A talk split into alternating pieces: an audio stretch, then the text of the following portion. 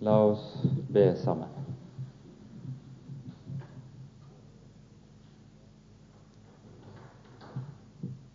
Kjære gode Herre og Hellige Far. Vi takker og lover deg for all din nåde og all din miskunnhet imot oss.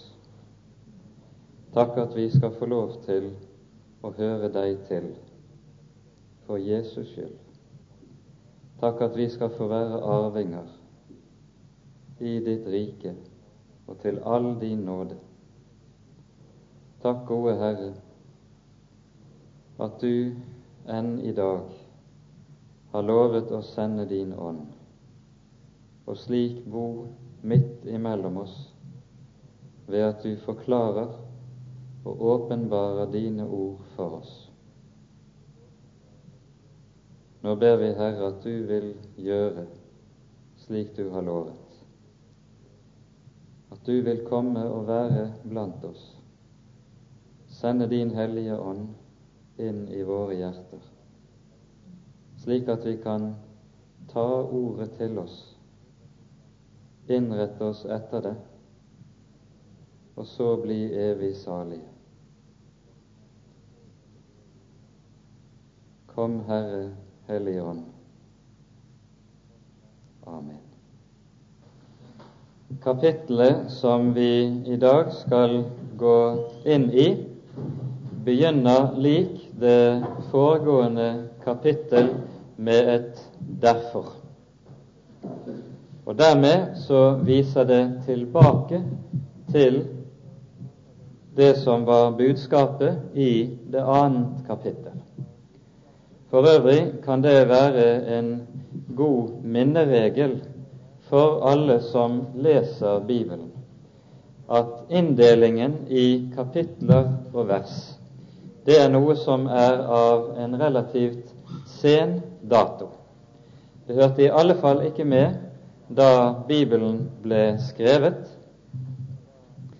Da gikk teksten fortløpende, så når man har i nyere tid delt Bibelen inn på denne måten, så er jo det av praktiske grunner. Men det gjør at vi ofte tenker som så at det går skillelinjer i teksten, f.eks. mellom kapitlene, som ikke gjorde det opprinnelig. Og det er ofte av stor betydning nettopp å se sammenhengen mellom kapitler i Bibelen. Så når det står 'derfor' i det første verset i det tredje kapittelet, så er det tydelig at dermed så slutter forfatteren av brevet en bestemt konklusjon ut fra det som er sagt i det foregående. Fordi Jesus er den han er, fordi han er så stor som han er blitt tegnet for oss i det første kapittel. Og dernest fordi han lot seg fornedre så dypt som han gjorde det, og som tegnes for oss i det annet kapittel. Derfor skal vi holde fast.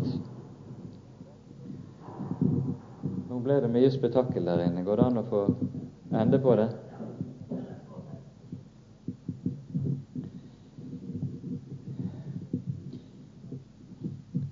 Det blir altså slik at dette ordet 'derfor' det viser både til Kristi opphøyelse og fornedrelse. Og begge deler gir like god grunn for og like sterk årsak til det som er formaningen i det første kapittelet. Når Jesus ble fornedret slik han ble det, som vi hører om i kapittel 2, hadde det nemlig en helt bestemt hensikt. Han skulle overvinne døden og djevelen. Om dette som vi leser i slutten av det annet kapittel, hadde vært sagt slik Alle som blir født, må dø. Jesus ble født for å dø. Når han kledde seg i kjøtt og blod og ble som en av oss, så var nettopp det hensikten at han som var den udødelige og evige Gud, skulle kunne dø i kjød. Så la oss med dette som utgangspunkt nå lese gjennom det tredje kapittelet i sin sammenheng. Derfor, hellige brødre, dere som har fått del i et himmelsk kall, gi akt på Jesus, den apostel og ypperste prest som vi bekjenner. Han var tro mot den som innsatte ham, like som også Moses var tro i hele Guds hus. Men Jesus er større ære verd enn Moses, for han som bygger et hus, er jo større ære verd enn huset selv.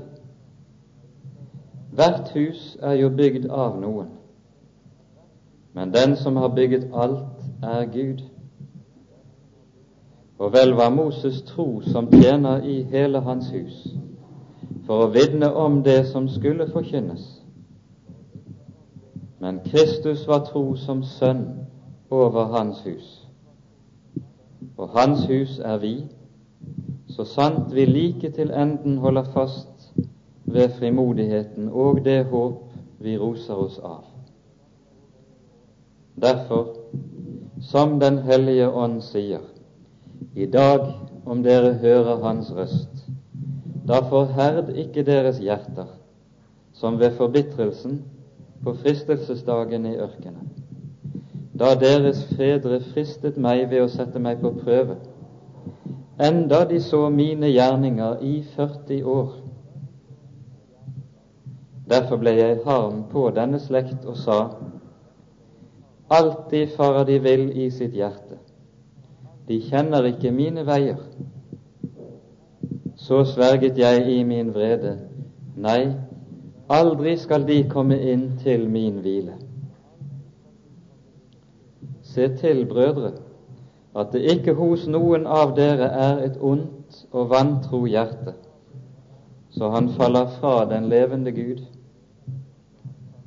Men forman hverandre hver dag, så lenge det heter i dag, for at ikke noen av dere skal forherdes ved syndens svik.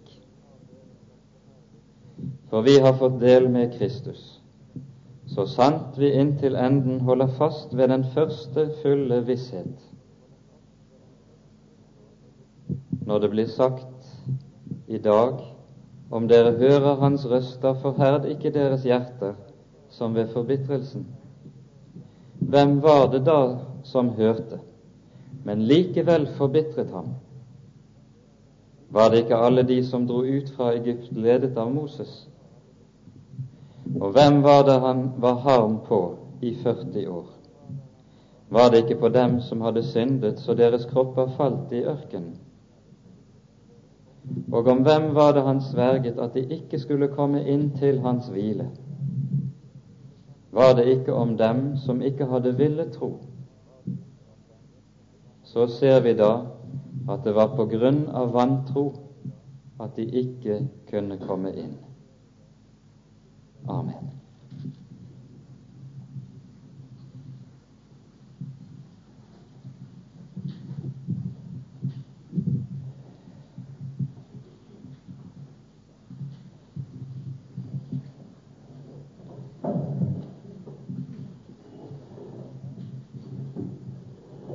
Kapittelet her begynner med et 'derfor, hellige brødre'. Mottakerne av brevet tiltales som nettopp hellige. Og vi skal merke oss at dette er en grunnleggende tiltaleform i Det nye testamentet. Når f.eks.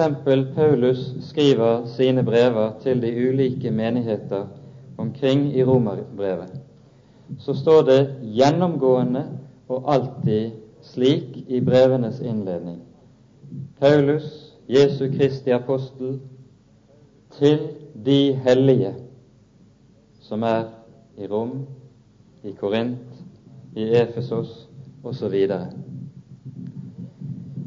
Og så er det slik at både den enkelte kristne i Den hellige skrift kalles hellig, og menighetene som Guds folk, som samlet flokk, kalles hellige. Og det vi skal legge merke til, at dette, denne hellighet som det her er tale om, det er først og fremst en hellighet som er en gitt hellighet.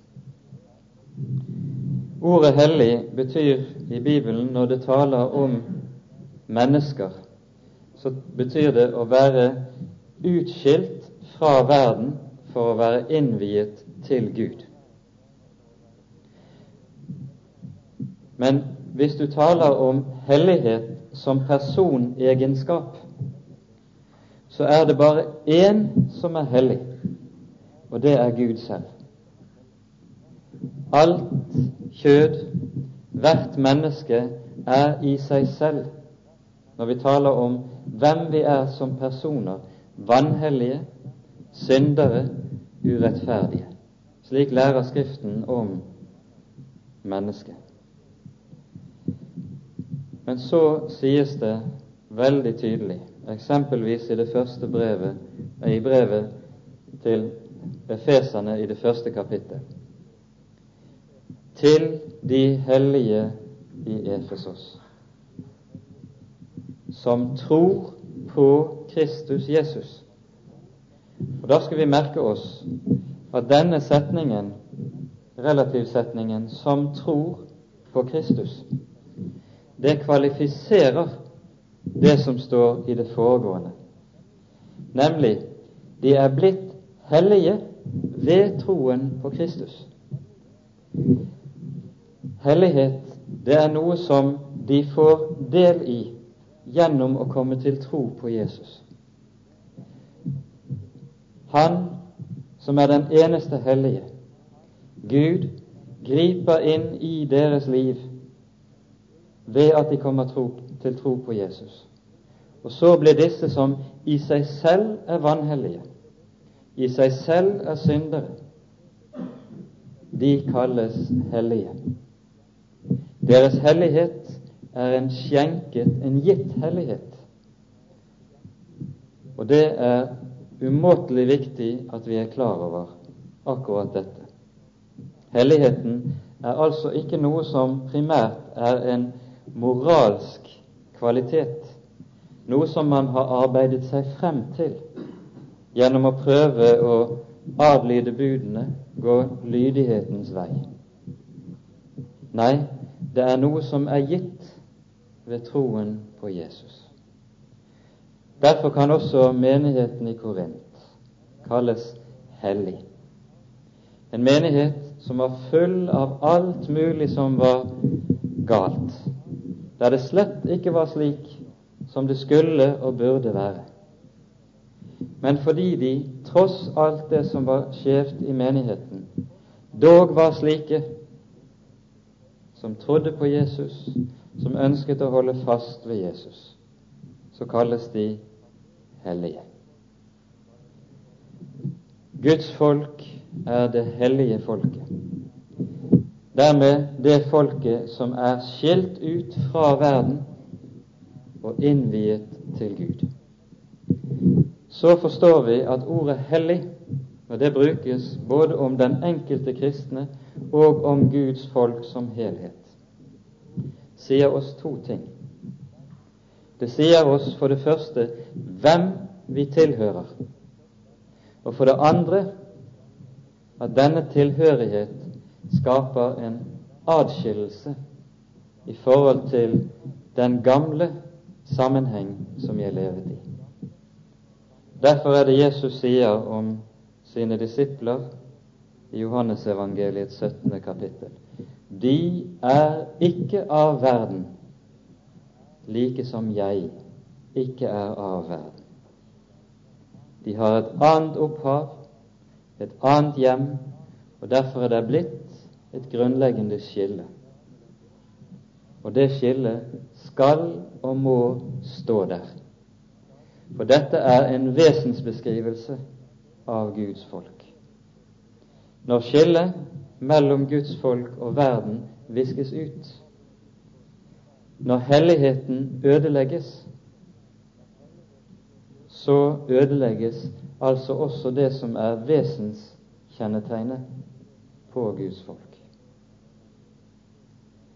Derfor, hellige brødre, dere som har fått del i et himmelsk kall, gi akt på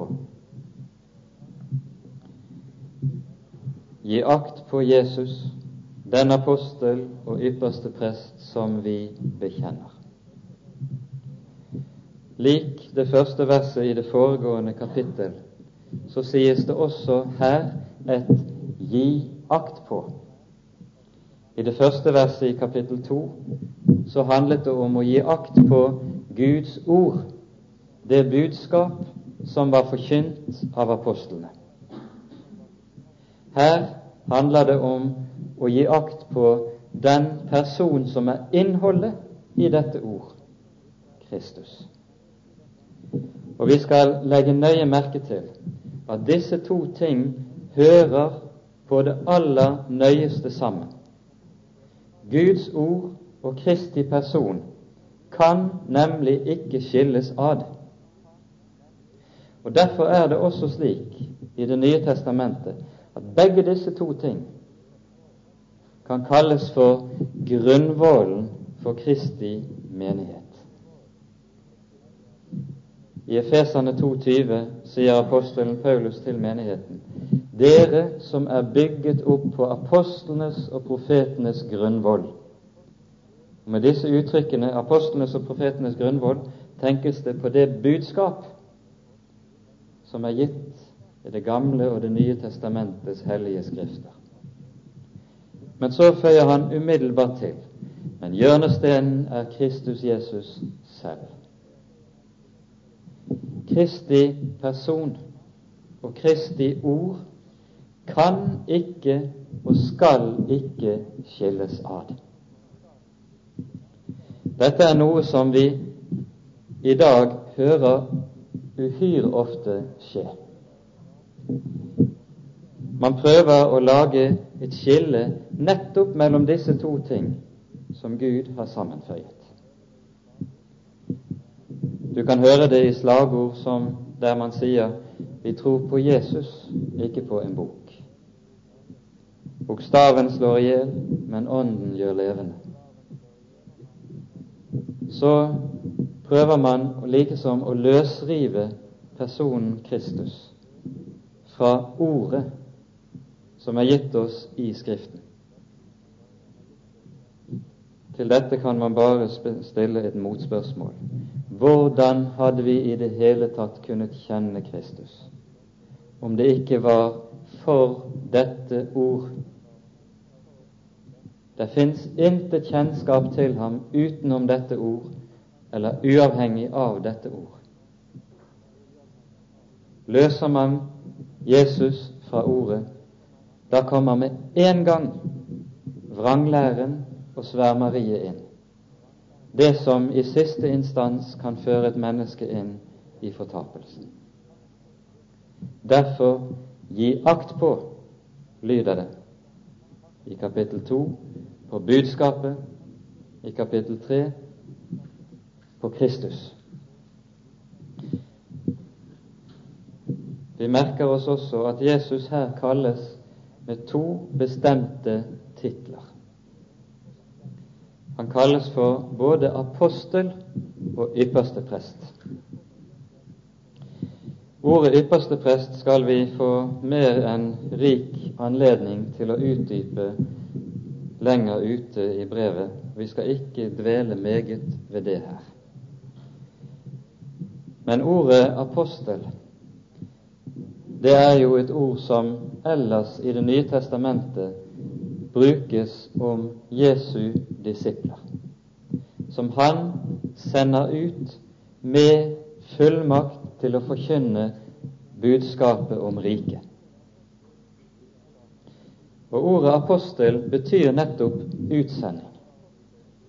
Det betyr en Det var i datiden, i oldtiden, en tittel som betydde eller beskrev en utsending som var betrodd særlige fullmakter fra sin oppdragsgiver eller herre. Og nettopp slike fullmakter er det Kristi apostler har fått. Vi hører om disse fullmakter når Jesus fornyer kallet for disiplene etter oppstandelsen. Han ånder på disiplene og sier 'ta imot Den hellige ånd', og sier så:" Like som Faderen har utsendt meg, sender jeg dere. Dersom dere forlater noen deres synder, da er de dem forlatt. Dersom dere fastholder dem for noen, da er de fastholdt. Og dette er den myndighet og den fullmakt som apostlene ble sendt ut i verden med, og som så er gitt videre til Kristi menighet her i verden. Å holde fast synd og å forlate synd. Men her kalles Jesus selv apostel. Og vi legger merke til at når han sender sine disipler ut slik han gjorde det i Johannes 20, så sier han like som Faderen har sendt meg, sender jeg dere. Dersom vi leser Johannesevangeliet, så vil vi se at meget hyppig bruker Jesus en ganske bestemt talemåte. Han sier at Faderen har sendt ham, eller utsendt ham, til verden for å Og da bruker grunnteksten nettopp dette ordet som ligger under for apostel. Hva var det som var hensikten med Jesus sendelse til verden? Det var å formidle frelse. Frelse til en fallen verden. Det var ikke å bringe politisk frigjøring. Det var ikke den typen verdslige eller dennesidige oppdrag Jesus kom med. Den jødiske Messias' forventning ønsket seg en slik Messias, som brakte gode kår her i verden. Men han kom for å gi frelse. Frelse ved å sone for synd. Og så sier han, like som Faderen har sendt meg, sender jeg dere. Det samme oppdrag som Jesus fikk fra Faderen, sender han sine disipler ut med. Når han ble sendt for å frelse verden, så er det med dette oppdrag disiplene og senere hans menighet her i verden skal gå med. Frelsens budskap. Og Derfor er det alltid slik at der den kristne kirke vender seg til det innvertslige og begynner å se det politiske på ulike områder som sitt oppdrag. Det har vært en sterk tendens til det i etterkrigstiden i den vestlige kristenhet. Der glemmer man dette som er det egentlige oppdraget. Jesus er Guds apostel, utsendt med et bestemt oppdrag. Deretter går forfatteren videre til å dra en parallell mellom Jesus og Moses. Det som var hebreernes fare, var, som vi har vært inne på tidligere, at de skulle komme til å falle tilbake i jødedommen, den tro de en gang hadde forlatt. Og innen jødedommen så er det Moses og Mosebøkene, Moseloven, som er hovedsaken, som alt likesom sirkler omkring. Og Dette er bakgrunnen for at nå dras parallellen, eller sammenligningen, mellom Moses og Jesus. I det første kapittelet ble sammenligningen dratt mellom Jesus og englene. Og det ble vist hvor meget større han er enn dem. Og Nå pekes det på at det både er en parallellitet mellom Jesus og Moses, samtidig som det også er en veldig forskjell mellom disse to.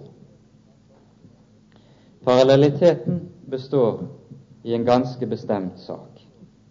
Rabbinerne brukte å si i forbindelse med talen om den kommende Messias at som den første frelser var, så skal også den siste frelser være. Med den første tenkte de på Moses, den siste på Messias. Like som Moses førte Guds folk ut av fangenskap, så skal Messias gjøre det samme. Like som Moses førte folket, gikk foran det på en vanskelig vandring, så skal også Messias gjøre det. Men vi tør også dra parallellen et stykke videre òg. For hva var det som var Mose kår i hans gjerning i Guds folk? Var han den store leder og helt som folket så opp til, og som de fulgte av et helt og fullt hjerte? Nei, han var det stikk motsatte. Stadig knurret de mot ham. Stadig var de ulydige. Stadig vendte de ham ryggen. Ja, sågar ønsket de å steine ham og forkaste ham. Så også i dette stykket kom det til å bli slik at den siste forløser ble som den første, hatet av sitt eget folk. Men tross dette hat denne motstand, så var Moses tro. Og på samme måte var også Kristus tro. Og Nå skal vi legge merke til at i vers 3 til 6 pekes det på hva som er forskjellen på Kristus og Moses. Og det er den samme forskjell som det er mellom skaper og skapning. Moses var tjener i Guds hus, men som Guds sønn, hva er Jesus? Noe langt mer. Han er herre i Guds hus. Derfor var det også dypest sett slik at Moses var Kristi tjener der ute i ødemarken. Vi leser i vers 5 og vers 6 slik. Vel var Moses tro som tjener i hele hans hus, for å vitne om det som skulle forkynnes. Men Kristus var tro som sønn over hans hus, og hans hus er vi, så sant vi like til enden holder fast ved frimodigheten og det håp vi roser oss av. Og så i det foregående vers pekes det på at den som har bygget dette hus, det er Jesus. Bygget også det hus som Moses var tjener i.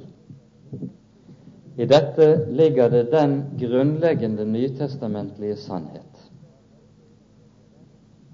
at den Gud som åpenbarer seg for Moses, og som frir Israel ut av fangenskapet, det er Guds sønn. Det er Han som er Herren, Israels Gud, og som også Moses tjener. Han bygget Israels hus i den gamle pakt. Han er byggmester for Guds hus, likeledes i den nye pakt. Her kunne vi også minne om Jesu ord i Johannesevangeliets 14. kapittel. Jesu avskjedstale den siste kvelden han er sammen med dem. Deres hjerte forferdes ikke.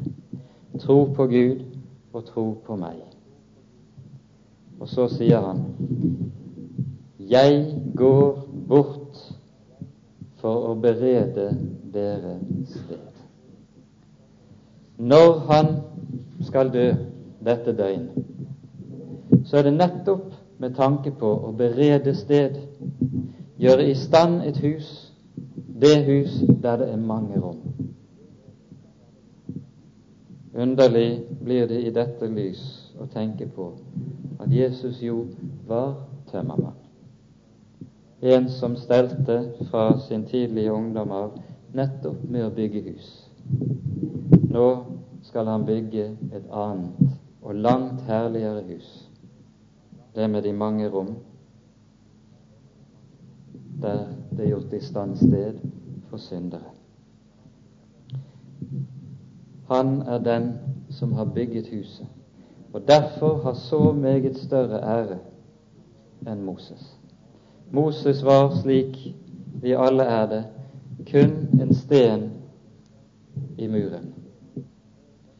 For med dette bildet som vi her er inne i, så møter vi jo noe som er et gjennomgående bilde i hele Det nye testamentet, nemlig at Kristi menighet sammenlignes med et hus, der den enkelte kristne er en sten i muren, og dette hus er det Herren selv som bygger.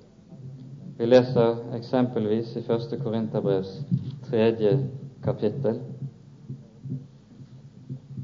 i vers 16 slik Vet dere ikke at dere er Guds tempel, og at Guds ånd bor i dere. Dette hus, det er altså ikke bare et vanlig hus, men det er tempelet, der Gud selv er til stede, nærværende, på samme måte som han var nærværende og til stede i den gamle pakts helligdom. Et slikt hus er det den Herre Jesus har bygget. Og vi legger merke til at det står i vers 4 han har bygget alt. Ikke bare litt, ikke bare det halve, men alt.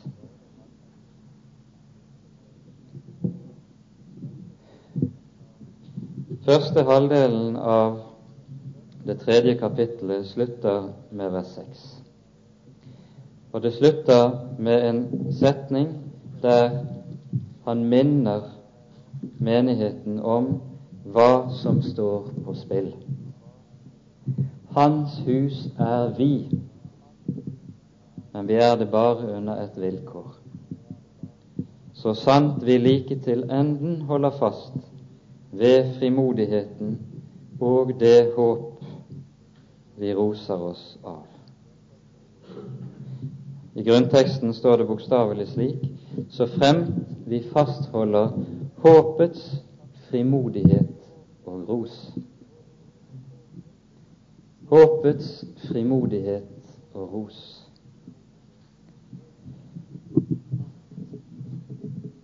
Hans hus er vi.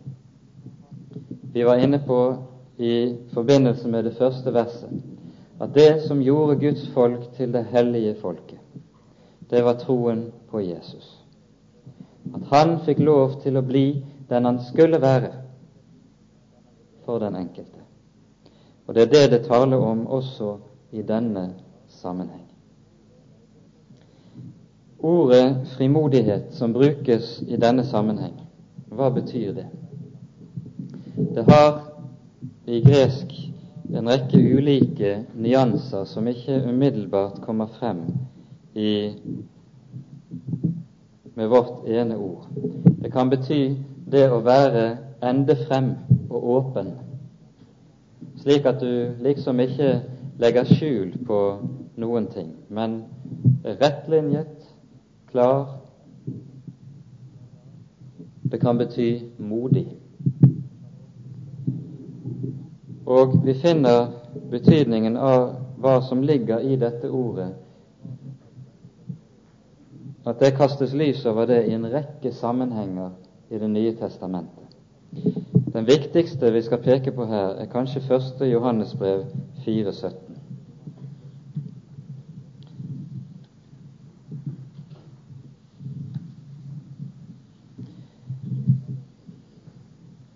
Her leser vi slik I dette er kjærligheten blitt fullkommen hos oss at vi har frimodighet på dommens dag.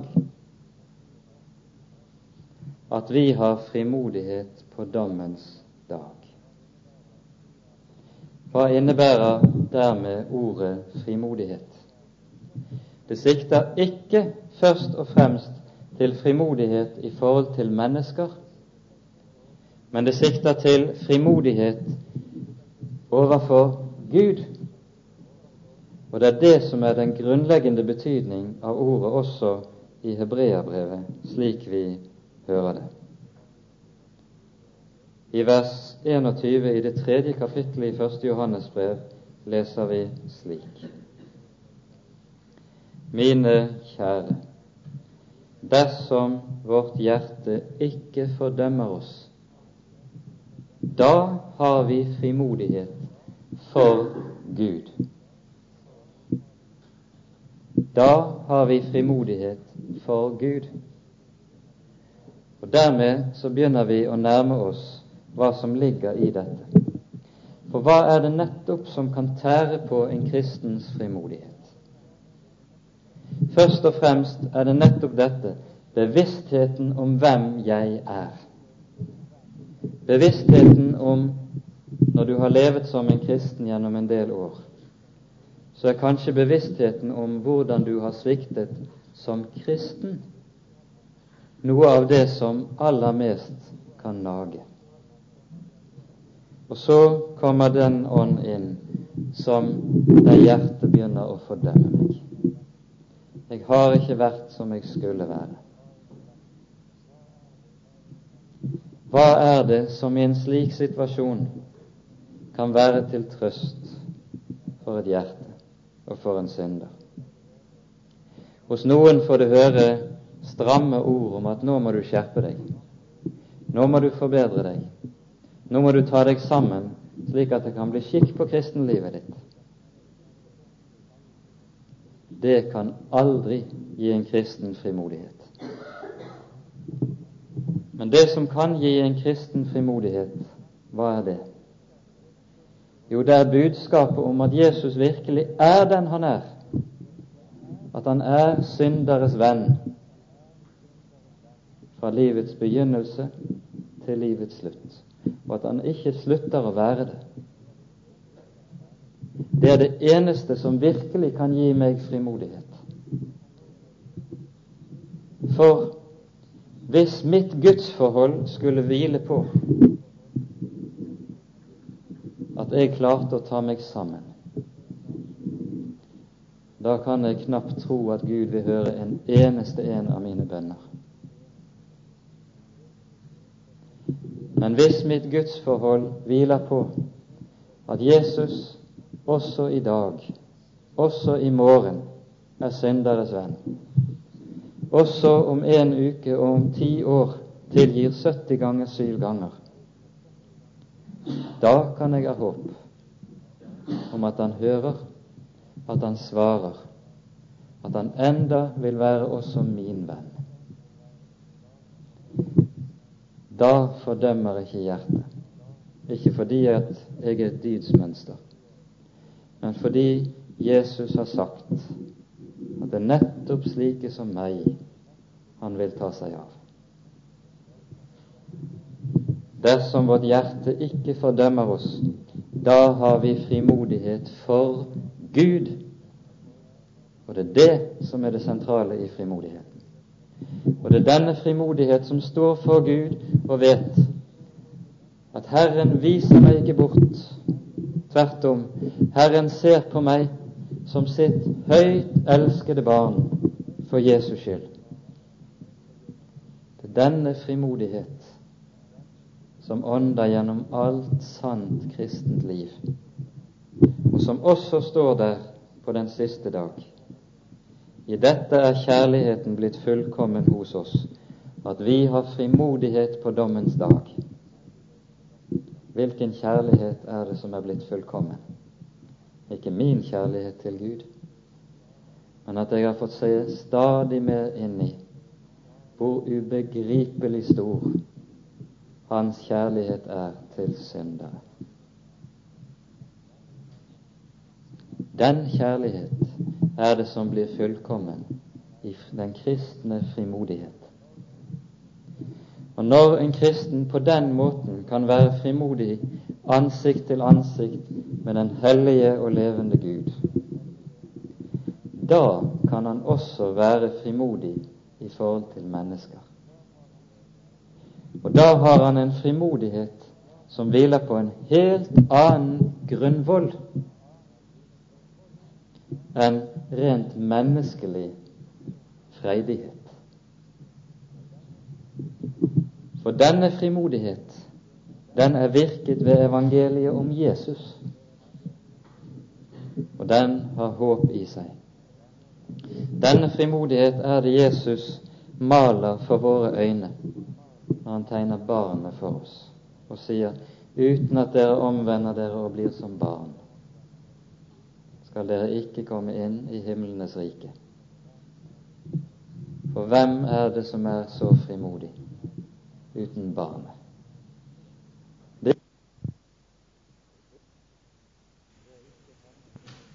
Det er ikke hemmet av tusen hensyn, men kan stå der midt i mengden og si han har jo ingen klær på.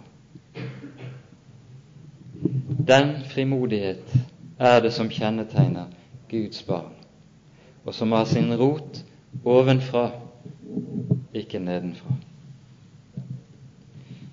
Og denne frimodighet er det det er om å gjøre å holde fast på.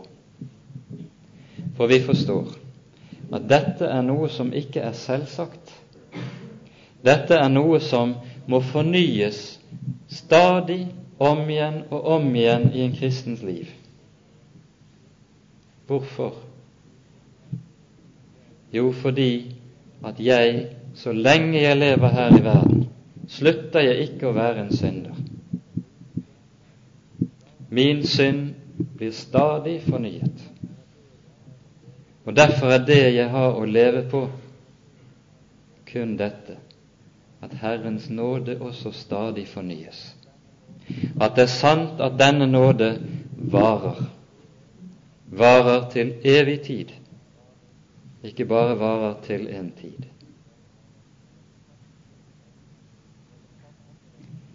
Å holde fast på dette og fornyes i dette, det er den grunnleggende kristne kunst som kan bevare et Guds barn under all trengsel, under all motgang, hvordan det så måtte gå.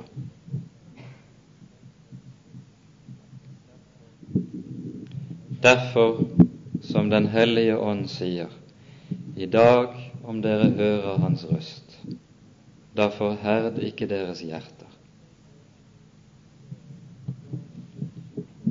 Og så siterer forfatteren den fra den 95. salmen, nesten ordrett. Den 95. salmen viser tilbake til Israels eksempel under ørkenvandringen, og særlig til to episoder. For det første det vi leser om i 2. Moseboks 16. kapittel, da Israel manglet vann i ødemarken, og så begynner å knurre mot sin Gud. Og For det andre vises det til Fjerde Moseboks 13. og 14. kapittel, som vi skal komme tilbake til om et øyeblikk. Det som skjer i 2. Moseboks 16. kapittel, Massa og Meriba, det er jo at Og vi legger merke til det som står her i vers 9. De satte meg på prøve, de som dog hadde sett min gjerning, sier Gud. Situasjonen er altså den at folket var ført ut av Egypt. Øyenvitner hadde de vært til hvorledes Gud sendte de ti landeplagene. Øyenvitner hadde de vært til hvorledes Herren på underfullt vis ledet dem ut av trellehuset, delte Det røde hav for dem, og de gikk igjennom med vannet stående som vegger på begge sider. De hadde vært øyenvitner til hvorledes Herren ledet dem på veien, i en skystøtte om dagen, en ildstøtte om natten. De manglet altså ikke noen erfaring for at den Gud som fridde dem ut, han var en Gud som så deres nød, og som hadde makt til å hjelpe. Rikelig var der av erfaring. Men så kommer det vansker. Hva sier folket da? Han som har hjulpet hitinntil, vil hjelpe heretter. Nei. Med en gang vanskene er der, med en gang er også vantroen der. Og med vantroen kommer knurr og klage mot Gud. Det viser hvor meget verd det er å se. Dersom tro bygges på den slags erfaring, er den bygget på sand. Dernest vises det til 4. Moseboks 13. og 14. kapittel. Det som er situasjonen der, det er at Israel nå, etter å ha gått ett av to år i ørkenen, er kommet til grensen for det, ved det lovede land. Så sendes det speidere inn i landet for å finne ut hvorledes det ser ut, hvordan det kan være best å innta det. Og når speiderne kommer tilbake, så sier de det er et godt land Herren vil gi oss. Men der inne så vi slike mektige folk. De var så storvokste at vi så ut som gresshopper i sammenligning med dem. Bymurene der var høye som fjell, og folket der mektig og grusomt. Skal vi gå inn der, vil de trå oss ned som lopper og lus. Vi kan bare gi opp med en gang.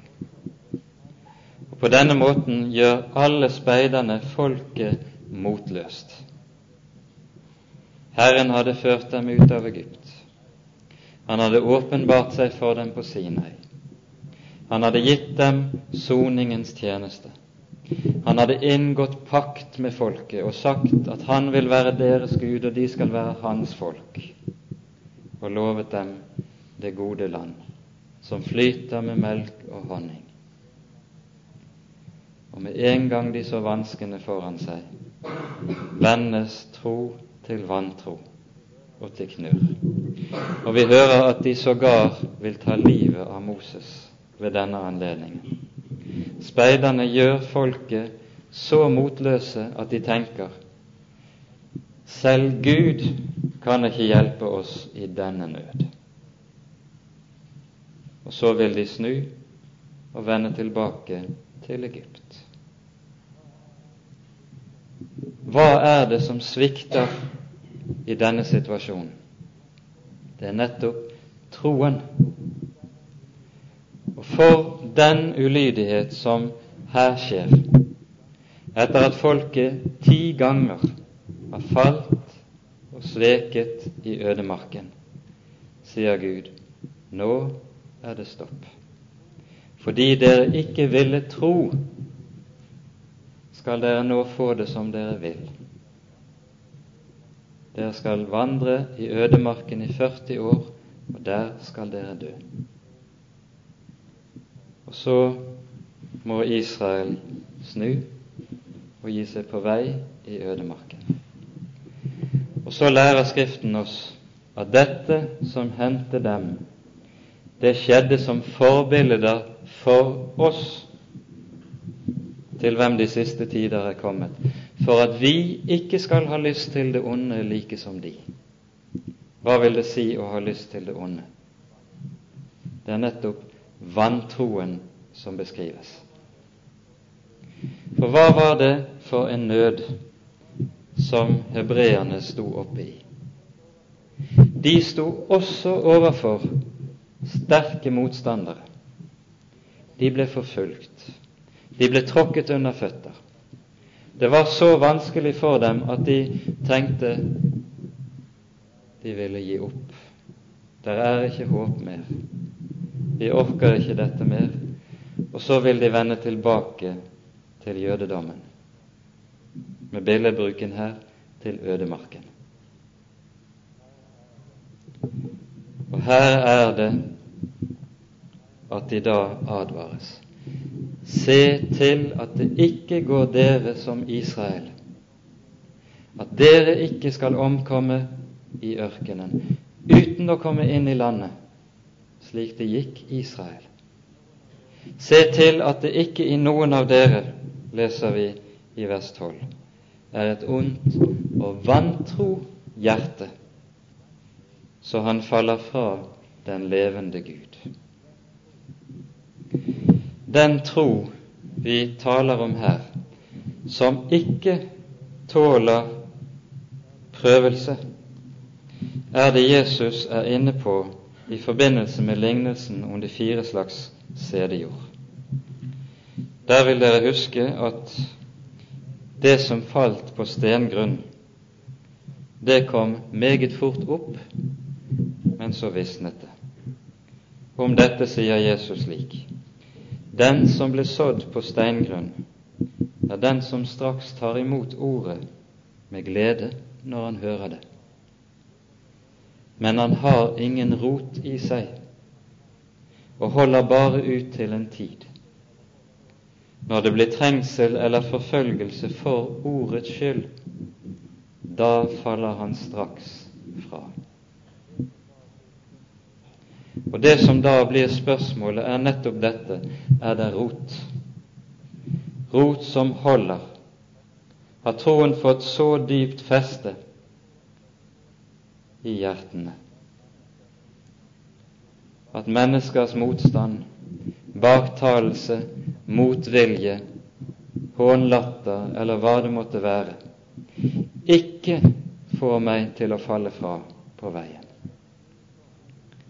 At det er blitt slik for meg at Guds dom betyr mer enn menneskers dom, og at det derfor er slik at det veier langt tyngre å ta hensyn til hva Han har sagt, enn hensyn til hva flertallet måtte mene. Det er til en menighet som står under trykk, under press, under hårdt press fra sine omgivelser, det her skrives. Og hva er det som er den kristne grunnholdning i en slik situasjon? Ikke å tilpasse seg, ikke å gi opp, ikke å snu på halvveien for å vende tilbake til ørkenen men å tenke slik det skrives i 1. Peters brevs fjerde kapittel. Meget viktige ord som vi ofte skal minne oss selv om og hverandre om. 1. Peter 4, fra vers 12 av. Mine kjære, Undre dere ikke over den ild som kommer over dere til prøvelse, som om det var noe merkelig som hendte dere. Men i samme grad som dere har del i Kristi lidelser, skal dere glede dere, for at dere også kan juble i glede når Hans herlighet blir åpenbart. Om dere blir spottet for Kristi navns skyld, er dere salige. For herlighetens Guds ånd hviler over dere.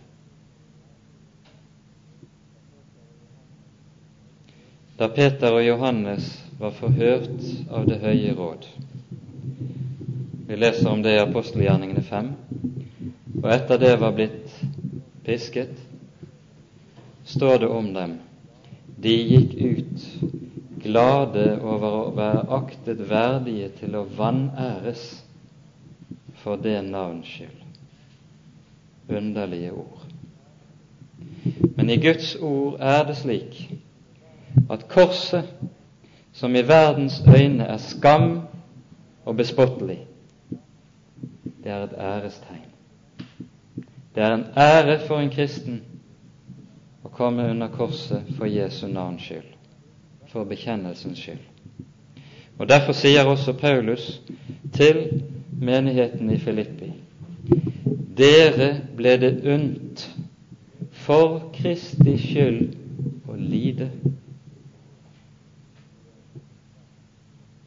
Han sier ikke 'dessverre' i dette verset, men han sier 'det ble unnt dere' som et privilegium. For det å ha del med Kristi lidelser, i det ligger løftet å få del også med ham i Hans herlighet. Derfor skal en kristen ikke tenke lavt om det å bli foraktet, det å bli utledd, det å bli gjort narr av, det å bli forbigått, eller hva det nå måtte være for Jesu navns skyld. Det er en ære. Som en kristen skal takke for og ikke klage over. For i denne kamp går det med et Guds barn på nøyaktig samme måte som det gikk med Jesus selv. Dersom ikke hvetekornet faller i jorden og dør, blir det bare det ene korn. Men dersom det dør, bærer det megen frukt. Dette er grunnloven i Guds rike. Og Derfor er det også at Jesus sier i en annen sammenheng ved dere når alle taler vel om dere. For slik talte deres fedre om de falske profeter. Det er et livsfarlig tegn når alle begynner å tale vel om Guds folk.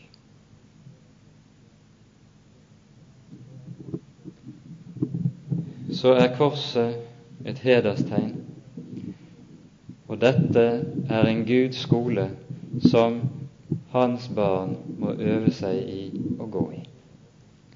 Hver på sin måte så vil en kristen komme til å møte dette. For det er slik det er slik at fordi vi ikke er av verden, men av Gud, så kan ikke verden elske oss, for verden elsker kun sitt eget. Kun sitt eget. Og så blir det slik Vi forstår at for det Israel i ødemarken var det én ting det gjaldt å holde fast på troen på Herrens løfte. Troen på at Han som hadde ført dem ut av Egypt, var mektig til også å føre dem helt hjem til det lovede land. At denne tro ble bevart, troen på løftet. Troen på løftet. Om denne tro sies det så i 1. Johannes brevs 5. kapittel slik ord vi skal skrive oss nøye inn i minnet og i hjertet. Første Johannes 5, vers 4 og 5. Alt det som er født av Gud, seirer over verden. Og dette er den seier som seirer over verden, vår tro.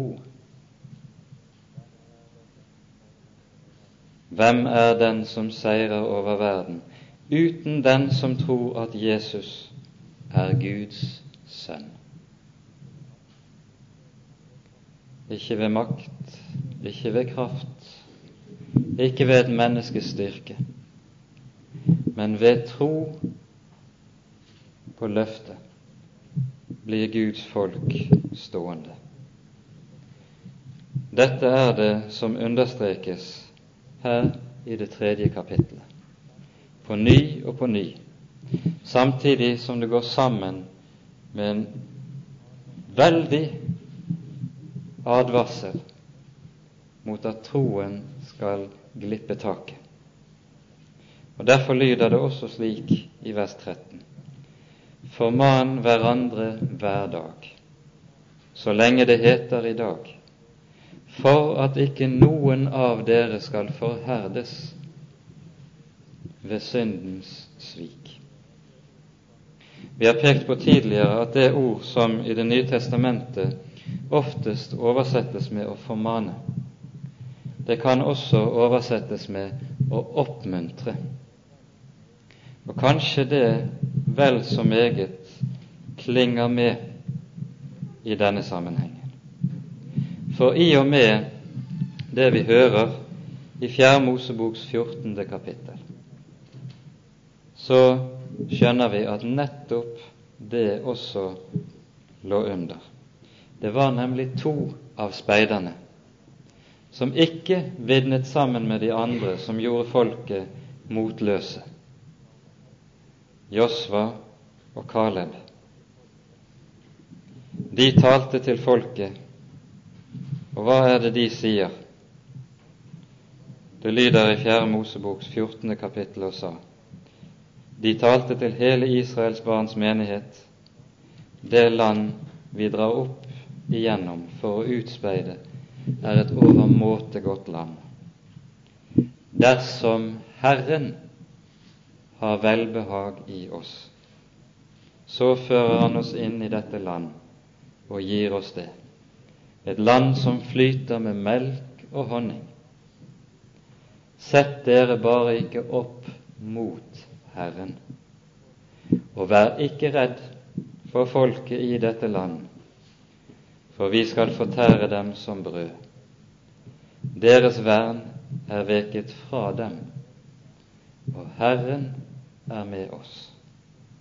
Vær ikke redd for dem. Slik formante Josva og Caleb Guds folk. Og slik skal de kristne formane og oppmuntre hverandre. Her er det en sak som ser ut til å være meget glemt blant kristne i dag. Vi lider under den misforståelse som er blitt så vanlig i tiden, at religion er en privat sak, og derfor har ikke du noe med hvordan jeg lever. Det er en halv sannhet i beste fall. For kristne skal i Jesu navn og for kjærlighetens skyld ha den omsorg for hverandre at vi oppmuntrer og formaner med ett mål for øyet at ingen skal bli igjen på veien, men at vi skal nå målet, nå det sammen. Dette innskjerpes og understrekes med kraft i dette kapitlet. Så ser vi at det derfor slutter som det gjør. Så ser vi da at det var på grunn av vantro de ikke kom inn i landet. Amen.